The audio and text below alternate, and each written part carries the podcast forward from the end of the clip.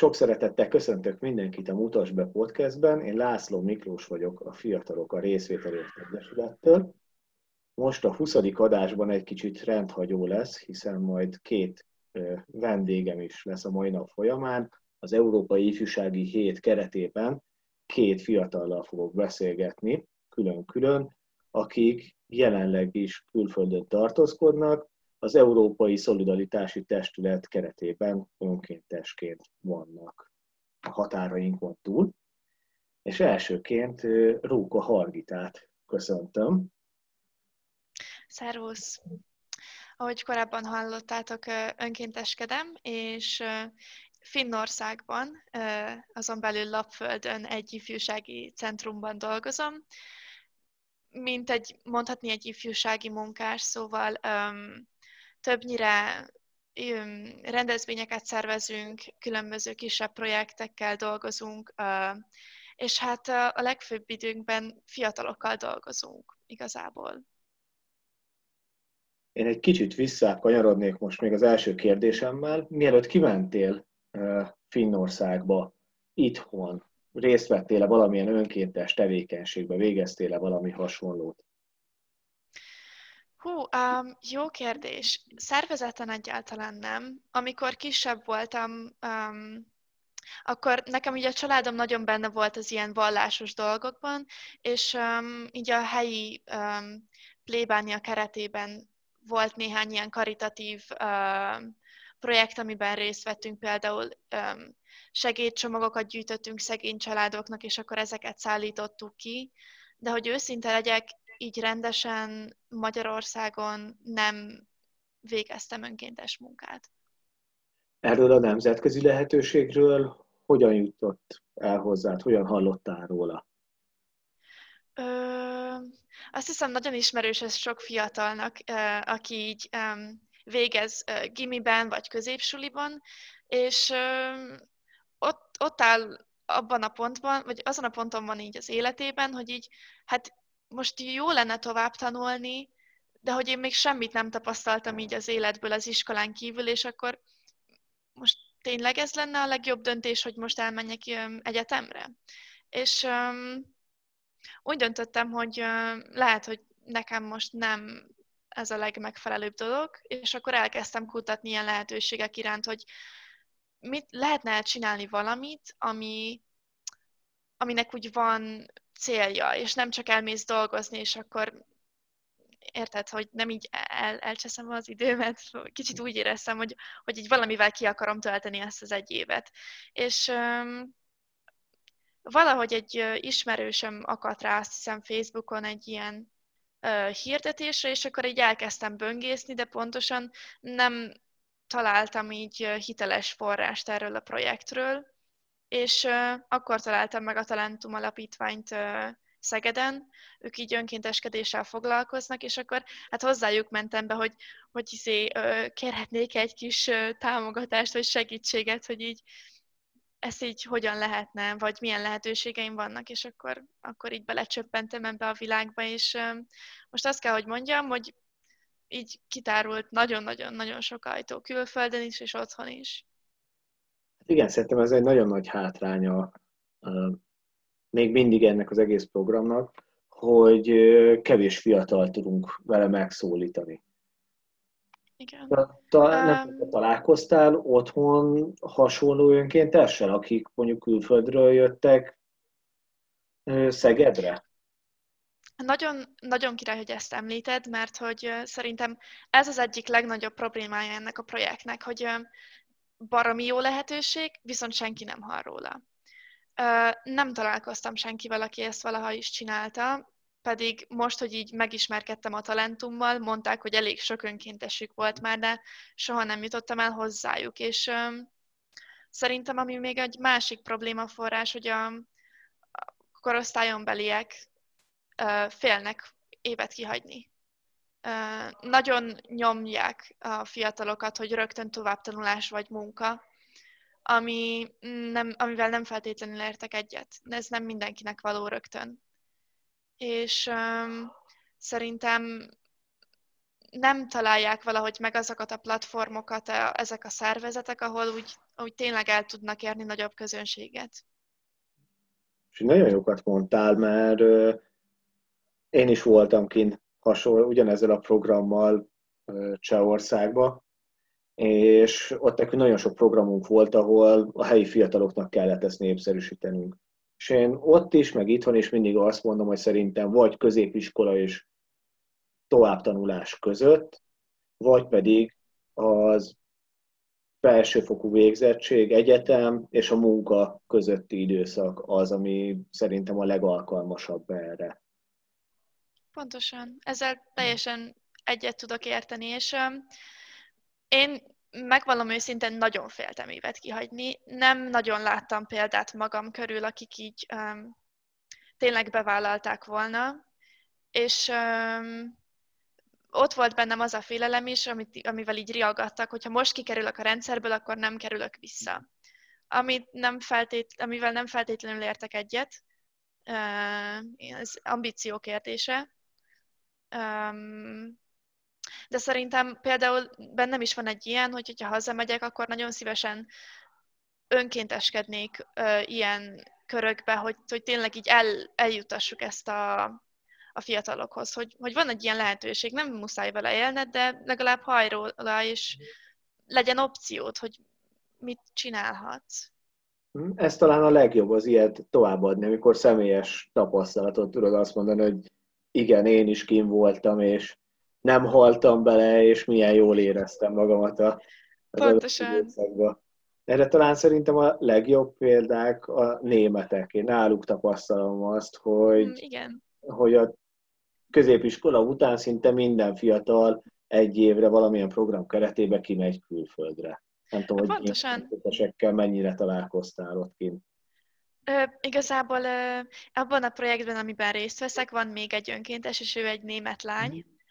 Ö, és nyilván így általa eléggé így kapok egy, egy képet arról, hogy így milyen így Németországban, és ott tényleg ilyen nagyon tipikus dolog, hogy, hogy jó, akkor hagyjunk ki egy évet, vagy ö, csináljunk valami mást egyetemen kívül. Ott nagyon rámennek az ilyen gyakorlati dolgokra, vagy a tapasztalatra, ami szerintem Magyarországon egy kicsit hiányzik. Mm. És um, mit is akartam még mondani? Nem szerintem, ezt most elfelejtettem. Hát, hogy eszedbe jut, akkor mondod. Igen. Miért pont Finnországot, illetve annak is az északi részét, Lapföldet választottad? Hát nagyon sokan megkérdezik, és nagyon szégyellem, de elviszből. Én nem... A akartál találkozni könnyebben, vagy többet? Mm, nos, igazából annak idején, amikor elkezdtem nézni a projekteket, akkor valami nagyon francia nyelvterületű helyre akartam menni, mert én gimiben egy ideig tanultam, és akkor úgy gondoltam, hogy ez egy tök jó lehetőség nyelvet tanulni. De hogy valahogy úgy, úgy elkalandozott a figyelmem úgy észak felé, hogy így jó, azért csak nézzünk szét, amúgy csak úgy miért ne, és írtam egy listát az ott lévő projektekből, amik itt tetszenek, és ez a filmprogram volt az első. Meg le is, majdnem le is járt szerintem a jelentkezési határidő, egy-két nappal előtte írtam nekik, de hogy ők rögtön válaszoltak, és akkor így elhívtak egy interjúra, és akkor, ö, akkor így utána néztem így a városnak, és akkor láttam meg, hogy ez ö, északi sarkörön fekszik, fél évig sötétség, fél évig világosság, szóval minden, ami így ezzel jön, a sarki fény, a természet, meg a sauna kultúra, és akkor így, hát elég exotikusnak hangzott, és amikor azt mondták, hogy jöhetek, akkor úgy voltam vele, hogy hát miért is ne? Szerintem így a hat éves kisgyerek így bennem nagyon megörült, így a hó miatt, meg így a Mikulás miatt. Szóval um, úgy döntöttem, hogy igazából ez egy tök jó lehetőség. Um, Viszont mikor el, először elgondolkodtam ezen az önkéntességen, egyáltalán nem Finnország volt a fejemben. Mennyire volt nehéz aklimatizálódnod ahhoz a környezethez, ami, mert azért ott ez teljesen más kultúra, teljesen más szokások, más természeti adottságok, mint itthon vannak. Uh-huh. Uh, hm. Egy valamivel gyűlt meg nagyon a bajom, és az a sötétség. Uh, főleg amikor még nincs hó novemberben. Az, az, egy, az egy kemény időszak. Nem egyszer volt olyan problémám, hogy átaludtam az, a napos órát. Viszont azt hiszem, hogy annyira nem volt kemény. Az volt a fejemben, hogy most csak egy évig vagyok itt, mm, ez, nem, ez inkább egy ilyen kaland, mint sem kihívás, vagy mint egy, mint egy probléma. És körülöttem az emberek elég támogatóak voltak, meg valahogy olyan poénnak fogtuk fel ezt az egészet az önkéntes társammal is, és azt hiszem nem volt így kemény. Nagyon érdekes például a mínusz 34-et tapasztalni januárban, de egy valamit megtanul az ember, mindig fel lehet jobban öltözni. Szóval ez a jobbik eset, a túlmeleg az, az annyira nem jó. Hogyha hazajössz, akkor majd, amit mi itthon szoktuk palaszkodni, az a évi két nap hó meg tél miatt, hogy lapátolni kell, mm. nem fogsz beállni a sorba ezek után. Hát nem, az, nagyon sok olyan beszélgetésem volt így az otthoni barátaimmal, meg a családommal, amikor ők így van, idézőjelben panaszkodtak, hogy jaj, de hideg van ilyen 10 fok körül. Uh-huh. Hát mi 10 fokban, rövidújúban vagy pántos pólóban vagyunk. Um, te, teljesen más. Nem nagyon lehet összehasonlítani, de nagyon élvezem azt, hogy itt nagyon sok a természet. Szóval itt a, a városi élet az így nem nagyon létezik, inkább délen. Viszont a természet adta lehetőségek azok nagyon jók. Szóval szerintem a, te, a, a, a szervezetem nagyon hálás azért, hogy, hogy most ide jöttem. Az egészségügyileg szerintem ez nagyon, nagyon királyhely. Mit kell ott csinálnod? Mi a projekted? Uh-huh.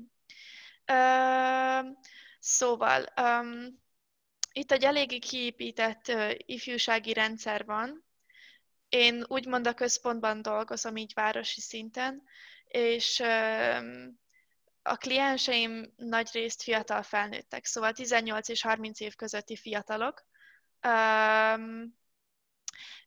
Egy átlagos munkanapom úgy néz ki, hogy egy kávézót üzemeltetünk az ifjúsági centrumon belül, és emellett, nem tudom, beszélgetünk a fiatalokkal, játszunk velük társasjátékot, pingpongot, akármit. Igazából nagyon-nagy a munkahelyem, nagyon sok lehetőségünk van.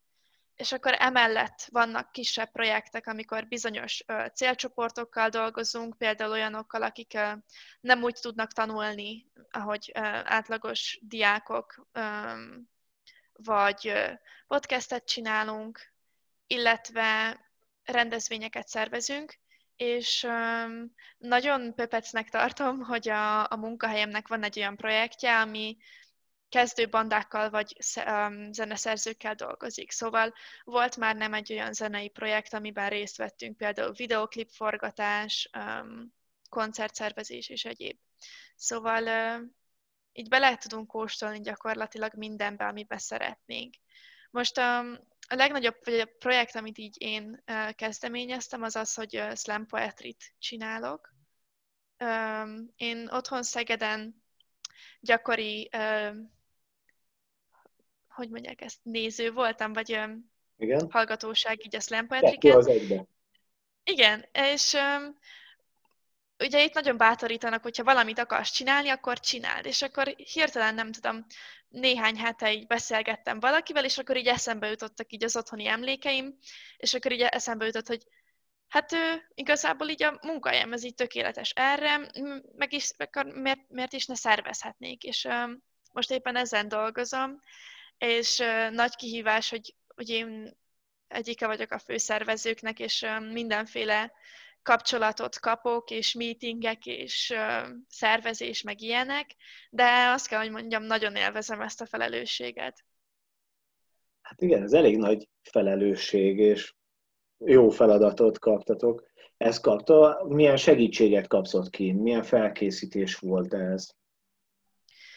Um, gyakorlatilag, um, hogyha úgy vesszük, akkor így um, Hmm. Szóval maga a szervezet biztosít egy ilyen ö, koordinátort, aki így mindig veled dolgozik, és ő az, aki adja az alap feladatokat, de igazából elég rugalmas. Te döntöd el azt, hogy mivel akarod megtölteni ezt az egészet. És um, um, nem, is, nem is tudom, szerintem inkább itt nagyon sokat segít az, hogyha talpra esett, vagy és kérdezel és beszélsz emberekkel. Szóval, hogy, hogy ezeket a kapcsolatokat, amiket például én kaptam a, a slam poetryhez, azt így mind mondhatni, mind magam találtam embereket, emberekkel vettem fel a kapcsolatot, um, um, próbálok olyan körökbe forogni, ahol uh, ahol így rád ragadnak az emberek. Nem tudom így érthetően, mint így próbálok így. Akkor jól értem, hogy sikerül mondjuk a helyi közösségnek így aktív része lenne? Tehát, hogy barátokat szerezni, kapcsolatokat építeni? Azt hiszem, igen, szerintem ebben egészen sikeres tudtam lenni ebben az egy évben. Az emberek nyitottak arra, hogy csináljunk valamit. És szerintem ez a legfontosabb. Egy probléma van néha a finn emberekkel, nagyon introvertáltak és zárkozottak tudnak lenni. Szóval nagyon fontos az, hogy kezdeményező légy, vagy nyitott a kommunikációra, és ennek nagyon örülök, hogy nekem van egy ilyen személyiségem, mert hogyha felveszed velük a kapcsolatot, akkor már rögtön nyitnak felé, csak kezdened kell valamit a szituációval. Úgyhogy valami ilyesmivel kezdtem szerintem én is, és aztán így jött a többi. Azt hiszem.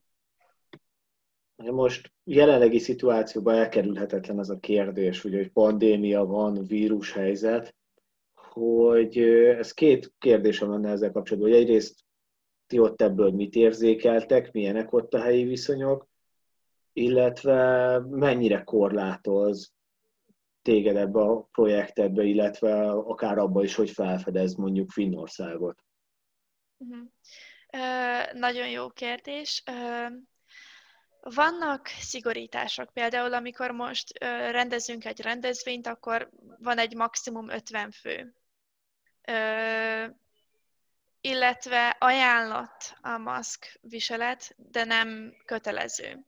Szóval Finnországban nagyon jó a helyzet más országokhoz viszonyítva, illetve nem, nem túl magas a, az emberek létszáma így városonként. Szóval a lakosság az nem nagy. És ö, szerintem ez nagyon sokat segít abban, hogy attól függetlenül, hogy kevés ember van, nagyon nagy területen ö, élnek az emberek. Ö, itt északon kifejezetten nincs nagyon esetszám. Úgyhogy így nem, nem nehéz. Egyszer volt egy ilyen nagyon nehéz időszak márciusban. Úgy mondták, hogy az volt így a harmadik hullám, akkor egy hónapig be voltunk zárva, és mondhatni így otthonról dolgoztunk. Az, az egy nagy kihívás volt, főleg úgy, hogy egy ifjúsági munkás hogyan dolgozik otthonról. Szóval az nehéz volt. Viszont um, Délen van rosszabb helyzet, viszont annak ellenére az utazás még, még mindig lehetséges. Szóval nagyon sok helyen sikerült járnom az elmúlt hónapokban, és nagyon királyterveink is vannak így a nyárra. Inkább csak az a kérdés, hogy például így a határok nyitni fognak el. A helyi fiatalokat, hogyha így a saját korcsoportodat nézed, ha összehasonlítjuk a finneket és a magyarokat, hogy miben különböznek, esetleg mi az, ami mondjuk a finneknek esetleg kicsit jobbak a skilljeik, mi az, amiben mondjuk úgy gondolod, hogy a magyar fiataloknak jobbak a skilljeik? Hú, ez egy nagyon érdekes kérdés. Uh, hmm. Nehéz így kiemelni, mert szerintem teljesen más kultúrában szocializálódott a két nemzet.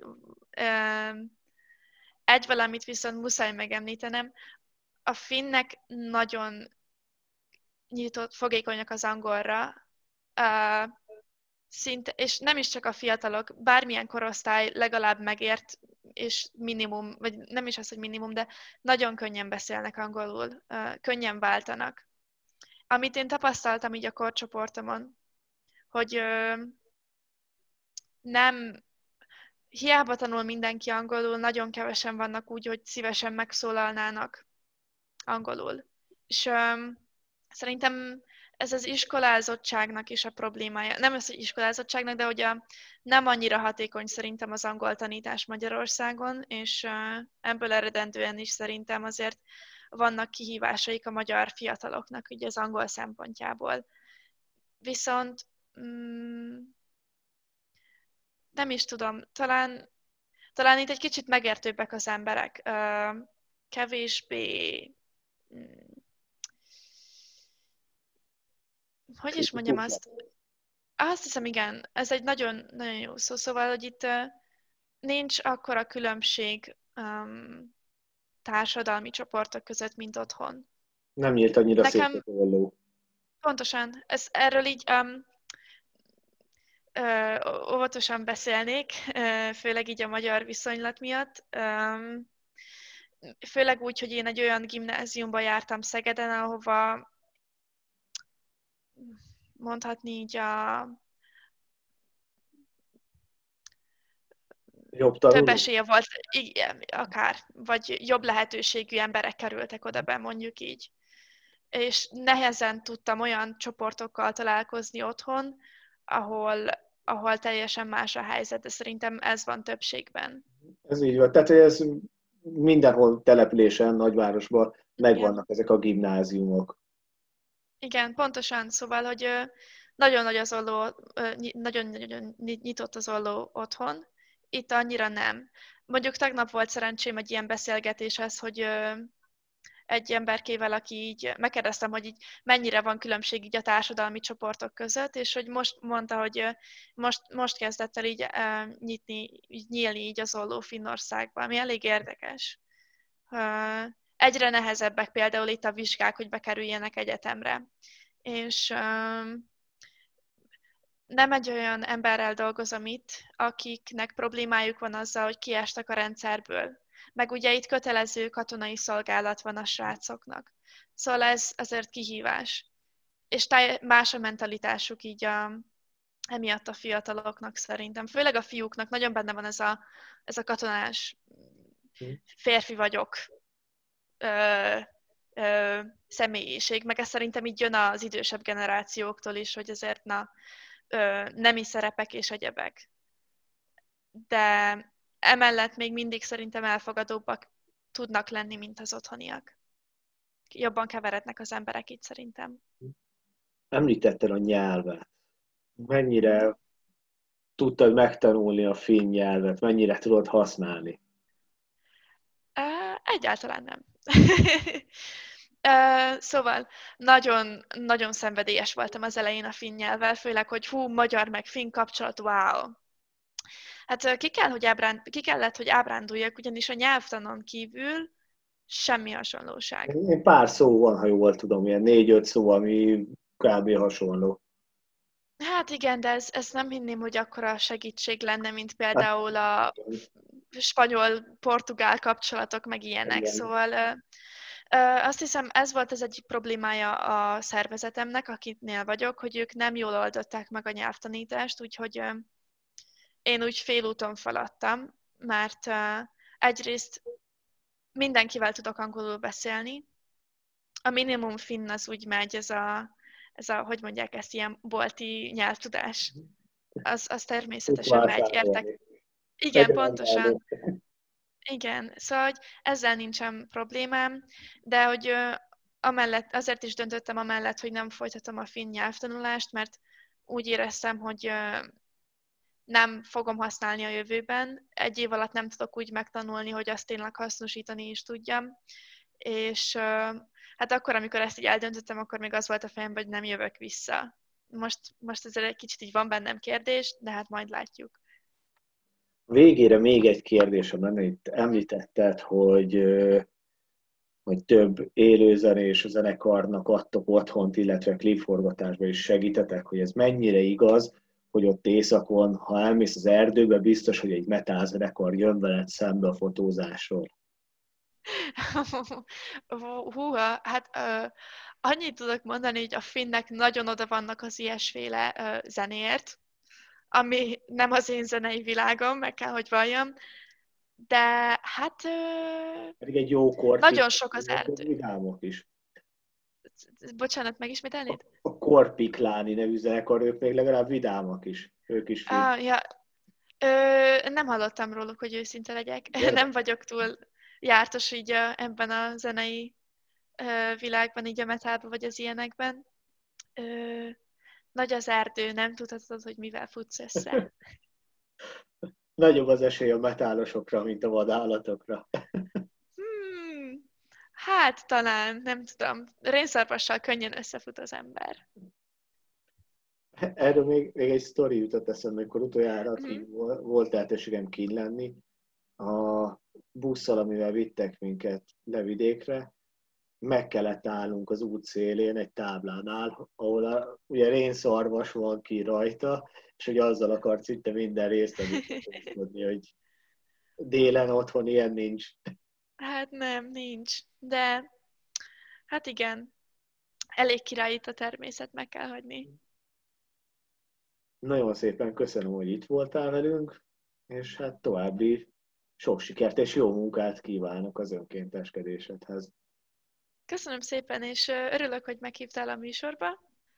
Remélem sok emberkihez el fog jutni, vagy legalábbis eléghez. Bízunk benne, minél több embernek igen. motivációt ad, hogy kipróbálja magát külföldön. Igen, remélem. Szia! Szervusz! És akkor a mai második beszélgető partnerem Kontra Panka, aki Németországban, Lipcsébe van kint az Európai Szolidaritási Testületen keresztül önkéntesként. Sok szeretettel köszöntelek. Köszönöm szépen. Egy pár mondatban az a kérés, hogy mutatkozz be. Mm, szóval, sziasztok, én Panka vagyok. Augusztusában jöttem ki önkénteskedni Lipcsébe, Németországba. Itt egy óvodában dolgozom. Mm, Előtte, ugye én májusban fejeztem be a középiskolát, így én is a Covid-ban érettségiztem. Igen. Mielőtt kimentél, önkénteskedtél-e itthon valamit? Volt-e ilyen jellegű irányultságod? Szóval igen, valamilyen szinten táborokban segítettem, egyszer a Vackorvár erdei iskolában, és utána egyszer minden nyáron. Itt a barátaimmal segítettünk táborokban, meg az evangélikus templomon keresztül voltunk egy-két alkalommal a Ceglédi gyermek otthonban, meg ott is segítkeztem gyermektáborokban nyáron kétszer, azt hiszem. Akkor innen jött ez, hogy a kisgyerekekkel való foglalkozás. Ö, igen, meg ugye anyukám tanárnő általános iskolában, így volt olyan, hogy iskola után oda mentem be, és akkor a napköziben segítettem gyerekeknek, tehát így meg volt a motiváció, hogy anya részéről. A családi vérben van. Hogyan találkoztál a programmal, ezzel a lehetőséggel, hogy kimehetsz külföldre önkéntesnek? Hát én Okit ismerem régebb óta, aki Kecskeméten aktívkodik, Őt pedig úgy ismertem meg, hogy anyukám által ilyen 15-6 évesen hallottam az ifjúsági cserékről, az Erasmus ifjúsági cserékről, és akkor igazából kikerestem online, hogy ki koordinálja ezeket Kecskeméten, és akkor megtaláltam a telefonszámát, és felhívtam. Igen, mondjuk Okinál aki nem ismeri Kós András Csabát, nála ez így működik, ő nála mindig van valamilyen opció, hogyha ki akar menni valaki külföldre. Uh, miért pont Lipcsét választottad? Miért ebbe az irányba mentél el? Hát én ugye tanultam németül középiskolában, meg még előtte is elég sokat, összesen szerintem 7 évet beszélni, azt így nem nagyon tudtam. Uh, így hát régebb óta bennem volt, hogy egyetem meg középiskola közül szeretnék egy lyukas évet. Uh, azt pedig mindenféleképpen Németországban szerettem volna, vagy hát német nyelvterületen. Uh, Lipcse pedig, mert a barátom itt tanul jogot. Így kellemes, hasznosan. Mi a programod? Mit, mit kell csinálnod ott kint? Mm, szóval az avatárban én napi 6 órát dolgozom, és igazából az pedagógusoknak segítek így a mindennapokban. Leginkább igazából nekünk személyesebb kontaktunk van a gyerekekkel, mi sokat játszunk, meg beszélgetünk, meg amit tudok. Meg hát olyan dolgok, hogy takarítani ebéd után, ebéd előtt. Mm, igen, meg a, hát az óvodán kívül még van lehetőségünk így a szervezettel egy szolidáris projektet szervezni, mármint a, hát nem a szervezettel, hanem a szervezet mondta el nekünk ezt a lehetőséget, ami megint csak az Európai Unió amit megint csak az Európai Unió támogat, és itt pár másik önkéntessel szervezünk egy ilyen szolidáris projektet, aminek a lényege, hogy valami európai témához kell, hogy kötődjenek, és hogy más embereket segítsenek. És ezzel most így aktívkodunk. Igazából ilyen gyűjtő dobozokat helyezünk ki DM-ekbe, DM boltokba, és hát menstruációs higiéniai termékeket gyűjtünk hajléktalan emberek számára. Mennyire nyitottak erre, az önként, erre a tevékenységre, erre az önkénteskedésre kinn a helyiek? Segítik mm. a munkátokat, vagy kell őket győzködni? Ö, igen, szóval volt egyszer az összes helyi DM volt vezetővel egy Zoom mm, beszélgetésünk, és nagyon nyitottak voltunk. Ugye ott kérdeztük meg, hogy kirakhatjuk a dobozokat, és mindenki szinte azt mondta, hogy igen. Ami számomra nagyon meglepő volt, mert azt hittem, hogy a 13 boltból maximum ketten-hárman fognak beleegyezni, de majdnem mindenki, és hát ennek nagyon örülünk. Az önkéntes tevékenységethez milyen segítséget kapták ki a szervezettől? Azért mégiscsak óvodába menni, idegen országba, idegen nyelven dolgozni, ez egy felelősség és kihívás. Hát, Mivel uh, ezt? Igen, szóval az én szervezetem az fantasztikus. Ugye ilyen szeminárokon megismerkedtem önkéntesekkel más szervezetekből, és nekik negatívabb tapasztalataik voltak, de nálunk igazából minden hónapban van egy találkozó, mm, most ugye online van csak, de így is nagyon tartják magukat hozzá, ahol bármit meg tudunk beszélni az emberekkel, akik uh, hát az európai irodában dolgoznak ennél a szervezetnél, Ö, ugye van magában az irodában is egy önkéntes, akivel nagyon baráti a viszony, és neki is mindig írhatunk, és hogyha ő mindig igen, tud segíteni, vagy segítséget kérni. Ugye támogatást ö, mi még nyelvtanuláshoz is kapunk, azt Lipse városa biztosítja, hogyha jól tudom, de mi kaptunk ugye 300 eurót, amit csak nyelvtanulásra tudunk fordítani meg minden lehetőségről informálnak minket, ami van a városban. Most ugye a vírus miatt nem annyi, de amúgy szoktak lenni ilyen nyelvtanulós kávézók, ahol csak be lehet menni, és bármilyen nyelven beszélgetni egy-egy asztalnál, vagy vannak kifejezetten német tanulós kávézók is. Um, szóval én nagyon... Meg van egy mentorprogram is, ugye a szervezeten belül, ahol mindenki kap egy mentort, aki vagy egy régi önkéntes, vagy az irodának dolgozik, Szóval nagyon vigyáznak ránk. Mennyien vagytok itt önkéntesek? Azt említetted, hogy benne az irodában is van egy önkéntes. Hú, jó kérdés. Mm, szerintem olyan 15-en vannak Lipcsében az én szervezetemnél, de van egy másik szervezet, ott is, ott meg heten vannak, vagy 80. Szóval így Lipcsében elég sokan vannak összesen. És így az óvodában, ahol kijársz gyerekekkel foglalkozni, ott hányan vagytok? Mm, önkéntesek, vagy önkéntesek. önkéntesek ketten vagyunk, és szerintem én vagyok egyedül, vagy akinek, hát, hogy, vagy nagyon kevesen vagyunk ugyanabban az óvodában. Szerintem mi ketten, mert még másik két önkéntes van így együtt, és én nagyon örülök, hogy Niesa is ott van, úgy hívják a lány. Igen. A németeknél azért jobban tapasztalható az, amit te is csináltál, hogy középiskola után kimennek külföldre önkénteskedni valamilyen programon keresztül.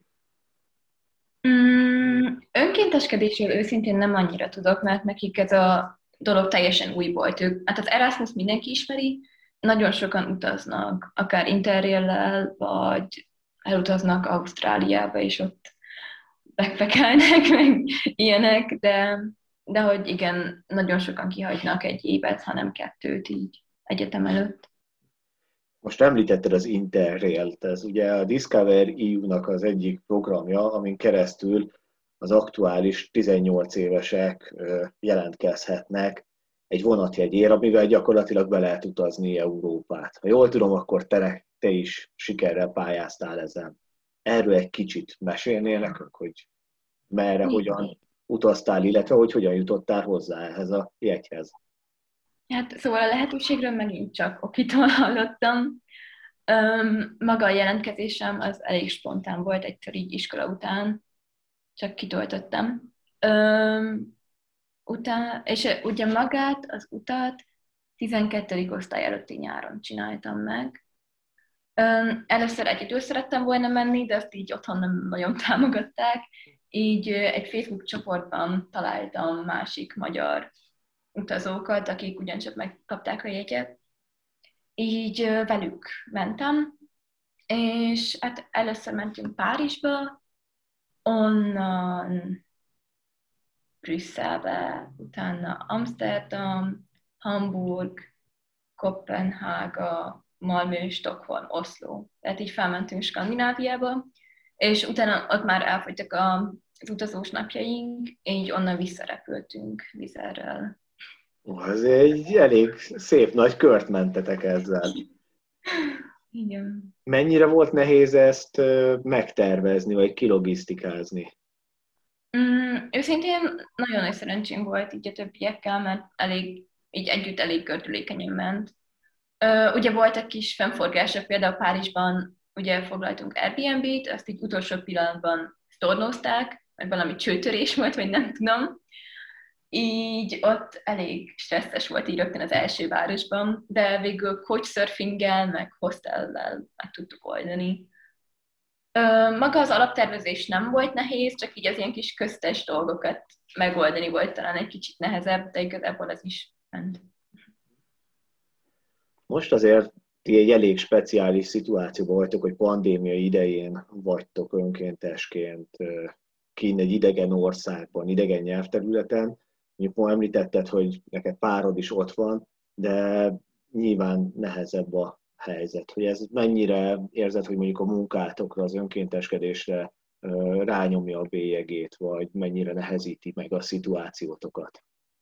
Mm, szóval a munkára szerintem nem, mármint az óvodában, ott ugye, amikor a gyerekekkel vagy, akkor nem kell maszkot viselni, így ott megvan ez a személyes kapcsolat. Uh, hát a magánéletre meg igen, hát utazni azt így nem nagyon lehet. Ugye nyáron, én augusztusban érkeztem, nyáron még valamennyit tudtam utazni, meg akkor még rögtön az önkénteskedésem előtt elutaztunk az északi tengerhez. Mm, szóval azért így láttam valamennyit Németországból. Meg aminek nagyon örülök, hogy nagyon jó házi orvosom van, így amikor például Covid gyanúban mentem oda, akkor mindenki nagyon kedves volt, rögtön le voltam tesztelve, negatív volt, de hogy így hogy biztonságban érzem magam, meg a szervezet is mindenben segít, hogyha valaki karanténba kerül az önkéntesek közül, akkor csinálják neki a bevásárlást. Szóval, meg ugye már az oltást is meg tudtuk kapni, mivel gyerekekkel dolgozunk, ezért az első között kaptunk oltást. Így igazából, ami egyedül nekem nehéz, hogy nem tudok előre tervezni, mert így szeretem így, igen, eltervezni a dolgaimat, ami meg most nem nagyon működik. Meg például karácsonyra nem tudtam hazamenni, ami meg nekem így elég fura volt, hogy így tavalyig otthon éltem, most meg kilenc hónapig nem tudok hazamenni, hanem tovább, mert hát igazából igen, végül az egész 12 hónapig, hónapra nem megyek haza, mert mint így a 12 hónap alatt nem megyek haza, majd csak a önkéntes tevékenység után. Ezért ez a közösségi programokra, a közösségi építésre is rányomja a bélyegét.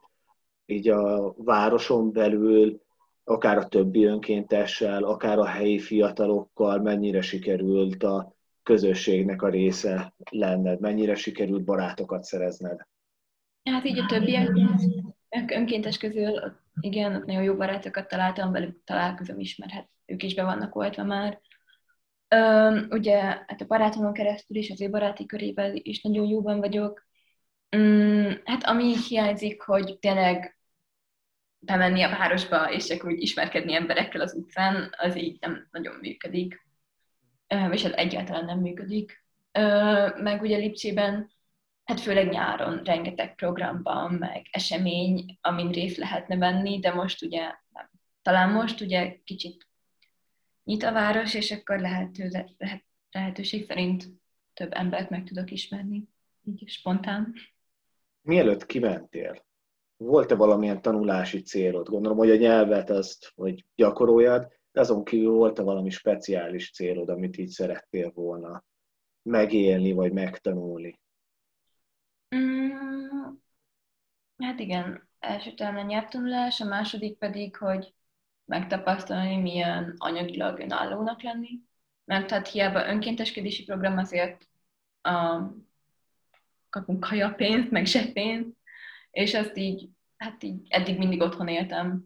Így ez elég nagy váltás volt, hogy akkor most van egy keretem, és ezt kell beosztanom magamnak, de örülök, hogy ezt így itt meg tudom tapasztalni, meg meg tudom tanulni, hogy hogy is működik. Ezt ilyen német viszonyokhoz képest, ugye minden országban más a helyi viszonyokhoz képest más szám az, amit a költőpénznek, illetve kajapénznek adnak. Hogy érzed ezt Németországban, mennyire lehet ebből kijönni? Teljesen kényelmesen.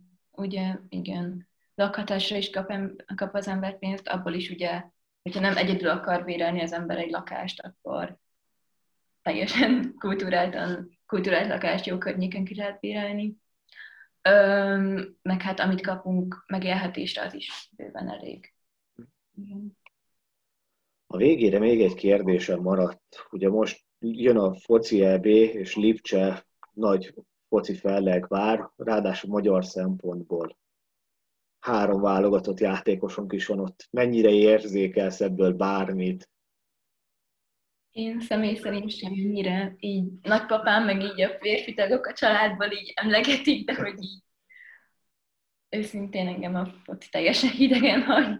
De de hogy így ez az én személyes véleményem. Amit látok, hogy nagyon sok graffiti van az egész városban különböző foci csapatok logójával, meg ugye a foci kapcsán itt van egy ilyen politikai ellentét is, hogy Igen. vannak a balos csapatok, meg a jobbos csapatok, és akkor de hogy úgy személyes kötődésem vagy élményem az így nincs. Nagyon szépen köszönöm, hogy itt voltál velünk és akkor a hallgatóknak is köszönöm, hogy meghallgattátok a Panka és Hargitával való beszélgetést. Az Európai Szolidaritási Testületnek a linkjét megtaláljátok a leírásba, illetve a Panka és Hargita munkájához is találtok ott linket. Sziasztok! Sziasztok!